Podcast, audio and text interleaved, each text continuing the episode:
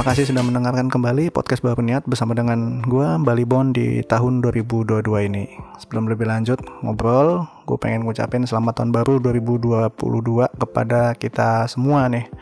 Mungkin beberapa dari kita nggak bisa menikmati tahun baru bersama dengan keluarga atau teman karena ya mungkin kantornya tidak memberikan cuti gitu kan karena akhir tahun dan juga karena ada kenaikan kasus COVID varian Omicron gitu kan. Tapi yang namanya tahun baru kan mungkin harus kita tetap kita rayakan ya karena yang namanya pergantian tahun itu tuh ta uh, tahun baruan itu adalah di mana masa-masa kita mengingat untuk menciptakan resolusi dan juga mengevaluasi apa yang sudah berhasil kita laksanakan di tahun sebelumnya. Jadi itu masa-masa introspeksi tuh di akhir tahun, makanya perlu kita rayakan. Ini adalah episode pertama yang gua rekam di tahun 2022. Jadi ini episode perdana kita di tahun 2022 ini. Sebelumnya eh, untuk episode kemarin itu direkam di tahun lalu 2021 dan kita ngomongin soal resolusi dan uh, pencapaian. Tapi uh, untuk episode kali ini tentu saja nggak akan membahas hal yang sama gitu. Nah sebelum lebih lanjut, kal uh, pengen kita, gue pengen nanya dulu deh. Kalian kemarin perayaan tahun barunya ngapain? Bakar-bakaran kah? Main sama temen? Nongkrong? Atau main game aja sambil nunggu ganti tahun? Atau malah nonton film bersama teman-teman? Atau malah tidur aja gitu biasa aja nggak ada bedanya dengan hari-hari yang lain untuk tahun baruan kemarin ya pokoknya mungkin kalian punya jawaban masing-masing lah atas pertanyaan tadi intinya sih uh, apa pun yang kalian lakuin gue berharap itu kalian semua melaksanakannya uh, dengan fun gitu ya semuanya kita jalankan dengan baik-baik aja gitu jadi kalau soalnya kalau kita tidak menjalankannya secara enjoy nanti malah membebani diri sendiri gitu. Jadi intinya adalah kita harus bisa uh, merasakan kesenangan dalam apa yang kita laksanakan gitu. Ngomongin soal tahun 2022 ini, tahun di mana tahun ketiga pandemi COVID ya. Ini di mana varian baru Omicron muncul dan katanya di Indonesia udah meningkat lagi kasusnya di Jakarta sudah 120-an kasus ditemukan tinggal nunggu waktu aja nih di kota-kota lain seperti uh, Sumatera, Kalimantan dan lain-lain untuk adanya ditemukan kasus Omicron. Gua nggak tahu nih apakah akan membaik atau memburuk, tapi kita berharap sih semoga uh, akan lebih baik lah di tahun 2022 2022 ini. Terus tahun 2022 ini agak unik ya. Kalian udah lihat belum sih surat edaran dari SKB 3 Menteri itu yang yang apa ya istilahnya tuh mengukuhkan tanggal merah di tahun 2022. Tahun 2022 nih ini loh untuk cuti bersamanya dikosongin. Jadi tahun ini dari awal kita sudah nggak dikasih cuti bersama, gila. Nol. Terus untuk tanggal-tanggal merah lainnya itu in, uh, kalau gua perhatikan ya gitu, yang tanggal merahnya di hari Jumat atau di hari Senin ya, itu nggak banyak gitu Paling cuma ada beberapa. Yang paling dekat tuh tanggal merah di dua hari Senin dan Jumat tadi itu nanti di tanggal 28 Februari 2021 2022 yaitu di um, merayakan Isra Miraj. Lalu tanggal 2 sampai 3 Mei Lebaran Idul Fitri itu. Cuman gak yakin tuh meskipun tanggal-tanggalnya uh, di hari Senin atau Jumat nggak yakin kalau minggu-minggu itu kita dikasih cuti atau ada larangan mudik lagi atau enggak tahun ini nggak tahu lah jadi ya ekspektasi kita direndahkan dulu lah ya untuk tanggal 2 dan 3 Mei itu. Terus untuk hari-hari lain gimana tuh? Jadi kayak selain dua hari itu semua tanggal merahnya nggak ada yang di Senin dan Jumat gitu. Adanya ya di tengah minggu atau enggak di Sabtu Minggu sekalian gitu. Sama kayak kemarin Natal uh, dan tahun baru ya di bulan di hari Sabtu gitu ya. Kayak nggak serasa liburan gitu. Ah, kita ngomongin soal trivia untuk tahun 2022 nih. Soal tahun ganti ini ya ngomong-ngomong soal ganti tahun gitu kan. Itu ya kita kan meng, semakin kita ber, uh, bertambah tahun, berganti tahun, umur kita juga semakin bertambah gitu kan. Uh, kita diminta untuk semakin dewasa lah dalam melaksanakan kegiatan sehari-hari gitu. Ngomongin soal tahun juga berarti kita ngomongin soal tangga ulang tahun nih. Mungkin beberapa dari kita ada yang sudah ulang tahun malah di tanggal ini di tanggal gua nguploadnya nanti ini.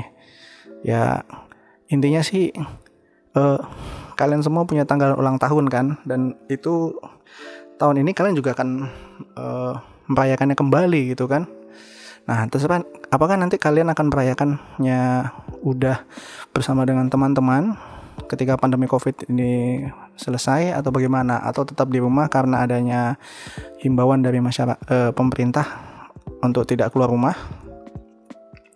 Itu gimana? Terus jangan-jangan uh, sudah menyiapkan ini namanya apa tuh? Istilah sekarang tuh self reward gitu biasalah istilah sekarang itu. Jadi istilahnya untuk menyenangkan hati sendiri kita belikan hadiah untuk diri sendiri gitu. Jangan-jangan kalian udah menyiapkan ya self reward kalian untuk ulang tahun tahun ini tahun ini mau beli apa gitu. Nggak apa-apa. Ya soalnya kalau bukan kita yang memberi apa ya menyenangkan diri kita sendiri ya mau nunggu siapa lagi gitu kan. Jadi ya dari awal kita memang harus menyenangkan diri sendiri dulu nih. Ah kenapa dari tadi gue ngomongin ulang tahun, ulang tahun, ulang tahun terus ya? Karena oh, tema obrolan kita kali ini seperti yang kalian dengar dilihat di judul ya, kita akan ngomongin soal yang namanya paradoks ulang tahun. Ah, ini sebetulnya adalah sebuah apa ya? Uh, sebuah case atau sebuah pertanyaan matematika nih paradoks ulang tahunnya. Ini gue dapet istilah pada ulang tahun nih kemarin setelah gue membaca salah satu novel uh, dan dia salah satu uh, trik apa ya intrik yang ada di novel tersebut salah satunya terkait dengan paradoks ulang tahun tadi. Nah, paradoks ulang tahun tuh apa sih sebetulnya? Paradoks ulang tahun itu uh, sebuah pertanyaan. Jadi pertanyaan adalah berapa berapa persen kemungkinan orang berulang tahun yang sama dalam satu waktu. Oh salah, pertanyaan gini. Berapa banyak jumlah orang yang berulang tahun sama dalam satu ruangan atau dalam satu kondisi gitu. Dia cuma pengen nanya itu aja sih. Berapa persen kemungkinan orang berulang tahun yang sama gitu. Kalau kita uh, ngomong soal tanggal ulang tahun yang sama dan kita ubah jadi karena ini ngomongin matematika ya jadi gue mau nggak mau kan harus menyesuaikan dengan persamaan matematika. Setahun kita ada 365 hari gitu kan. 365 hari uh, kalau kita berulang tahun yang sama berarti uh, persentasenya tuh satu dibanding 365 satu banding 365 satu banding 365 sementara un, ya itu kan karena ini kan satu hari itu tanggal yang sama gitu. Berarti Kebalikannya nih, persentase orang yang tidak berulang tahun sama atau bertanggal unik 364 dibanding 365. Gue buka kalkulator dulu. 364 banding 365 itu apa? 99,72 persen. Oh, besar banget tuh. 99,72 persen, 99,73 persen. Jadi emang kalau kita membandingkan dua orang, dua orang berulang tahun yang sama, persentasenya tuh kecil banget emang sepertiga 65 begitu juga uh, atau kebalikannya kemungkinan orang itu unik tanggalnya tuh untuk dua orang yang berbeda untuk dua orang itu sebesar 99,72 persen. Terus paradoksnya di mana gitu kan? Ya udah gitu aja kan dua orang persentasenya untuk sama atau kecil terus persentase untuk sebaliknya persentase ulang tahunnya unik besar gitu 99% gitu. Ternyata uh, inilah yang menjadi paradoks karena sejumlah orang uh, karena kalau kita berpikir secara uh, awal gitu berapa persen kemungkinan orang itu berulang tahun yang sama dalam satu ruangan dalam satu kelompok gitu. Apakah kita harus memiliki orang sebanyak 365 jadi 365 banding 365 itu 100% atau untuk mencapai 50% aja kita harus minimal setengah gitu. Berarti 182 per 365 gitu. Atau 183 per 365 apakah harus seperti itu? Nah yang menjadi paradoks adalah ternyata uh, perhitungan matematika itu tidak soal uh, perkalian tapi ini adalah eksponensial atau perpangkatan kalau istilah lainnya gitu. Nah paradoks matematika ini uh, langsung ada penjelasan dari artikel paradoks berde ini. Jadi berapa banyak orang uh, berapa persen kemung uh, berapa banyak orang yang dibutuhkan untuk uh, bisa berulang untuk dua orang bisa berulang tahun yang sama dalam satu uh, waktu dalam satu ruangan. Jawabannya adalah 23 orang.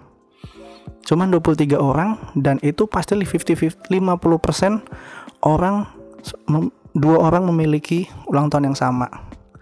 23% itu cuma satu kelas gitu loh, satu kelas, satu ruangan atau satu kelompok gitu kan. Jadi kayaknya mungkin di case-case yang lain tuh atau case kita sehari-hari lah, pasti mungkin ada juga tuh kondisi di mana kita berulang tahun yang di tanggal yang sama dengan orang lain gitu. Jadi kayak ih kok bisa pas gitu ya? Bisa dalam satu ruangan tuh berulang tahun sama, dalam satu kantor berulang tahun yang sama. Kok kok bisa gitu padahal kan 3665 hari gitu kan. Ternyata yaitu karena dengan uh, paradok birthday ini cukup 23 orang aja dalam satu kondisi, dalam satu ruangan, dalam satu waktu itu sudah membuat persentase orang yang berulang tahun yang sama sebesar 50%. Gimana caranya itu kan? Mind blowing bukan? Itulah paradoksnya. Nah, uh, terus ada penjelasan lebih lanjut nih. Uh, kalau untuk 50 persennya aja 23, berapa untuk 100 persennya? Uh, dikali 2, 23 kali 2, 46 Nggak juga ternyata. Karena jawabannya adalah untuk menjadikan persentase naik menjadi 99,95% untuk orang berulang tahun yang sama dibutuhkan 75. Ini angka-angka dari mana coba? Kok 23 jadi 50, 75 jadi 99, hitungannya gimana? Nah, itulah yang namanya uh, bilangan eksponensial gitu. Jadi uh, paradoks ulang tahun ini sebenarnya merupakan uh, permasalahan matematika mengenai probabilitas dan eksponensial. Uh, jadi gimana ya penjelasannya itu? Kalau paradoksnya itu adalah uh, ketika uh, jumlah kombinasi kombinasi kan kita ngomongin banyaknya orang gitu kan sementara kita mencari dua orang gitu dua orang berulang tahun yang sama jadi semakin banyak kombinasi orang yang ada dalam satu kelompok maka persentase orang tersebut menjadi unik itu akan tuh akan menurun. Nah, kita balik lagi ke 23 tadi deh. 23 tadi ya. Tadi kan kita dapat uh, rumus bahwasanya jumlah atau persentase orang yang berulang tahun berbeda ketika dua orang dibandingkan adalah sebesar 364 per 365 99,73 persen gitu kan. Lalu itu akan karena ini adalah sifatnya uh, kombinasi maka si uh, presentasi tersebut akan kita uh, eksponensialkan atau kita pangkatkan gitu dipangkatkannya dengan jumlah uh, kombinasi jumlah kombinasi dari uh, kelompok tersebut gitu. Nah kita baik lagi ke case 23 ya 23 23 uh, jumlah kombinasi dua orang dari 23 ke orang jumlah jumlah kombinasi dua orang dari kelompok berisikan 23 orang adalah sebesar ini rumus matematikanya adalah uh, ini mungkin beberapa nggak bisa mengikuti tapi gue coba untuk menjelaskan. Uh, rumus kombinasi itu adalah jumlah dari nilai jumlah orang difaktorialkan faktorial tuh ini ya faktorial tuh maksudnya gini jadi kayak uh, perkalian dari angka 1 sampai nilai tersebut. Jadi kalau misalnya nih kayak 3 faktorial, 3 faktorial itu artinya 1 kali 2 kali 3. 5 faktorial artinya 1 kali 2 kali 3 kali 4 kali 5 gitu. Seperti itulah. Jadi kalau yang namanya 23 faktorial tentu saja artinya 1 dikali 2 dikali 3 dikali 4 sampai dengan perkali dikali 23 gitu. Nah, itu rumus kombinasi tapi nggak sampai situ aja rumus kombinasi tadi rumus kombinasi adalah jumlah orangnya difaktorialkan 23 faktorial dibagi dengan jumlah kombinasi jumlah yang mau dikombinasikan dua dua orang kan kita mau carikan dua orang berulang tahun yang sama dua faktorial satu kali dua terus selanjutnya dikali dulu dengan jumlah orang di luar yang mau dicari uh, jumlah orang yang di luar orang yang mau dicari kombinasinya jadi kan kalau yang kita cari dua orang maka yang nggak kita cari nilainya sebesar 21 orang. Jadi rumusnya itu gimana ya? 23 faktorial dibagi 2 faktorial dikali 21 faktorial. Kira-kira seperti itu. Ini juga dapat dari ini artikel ya. Jadi mungkin untuk supaya lebih fair nanti tentu saja akan gue linkkan uh, artikel mengenai birthday paradox.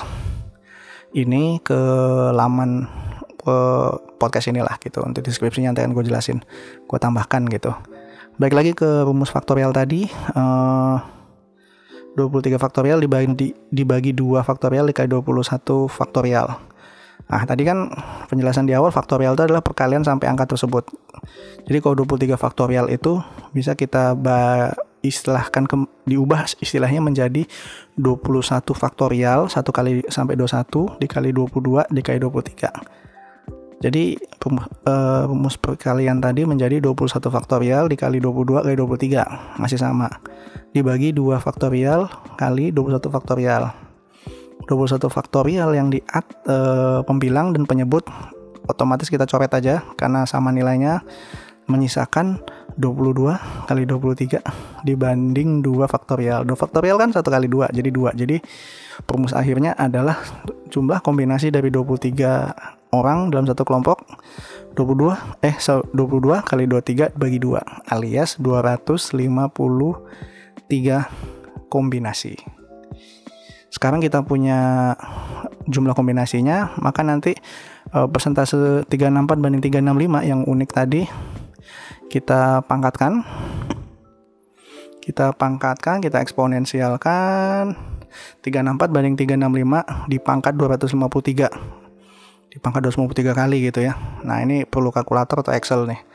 Nah, kalau dari perhitungannya ketika 364 dibanding 365 dipangkat 253 persentasenya tuh dari yang 99 tadi 99,7 persen tadi turun menjadi 49,95 persen. Kalau nggak percaya coba aja cek di kalkulator. Intinya karena di di dipangkatkan sebanyak kombinasi 253 kali nilai turun 49,95 itu adalah persentase orang yang bertanggal unik. Bertanggal ulang tahun yang sama. Ulang tahun yang berbeda 49,95 berarti kan sis kebalikannya.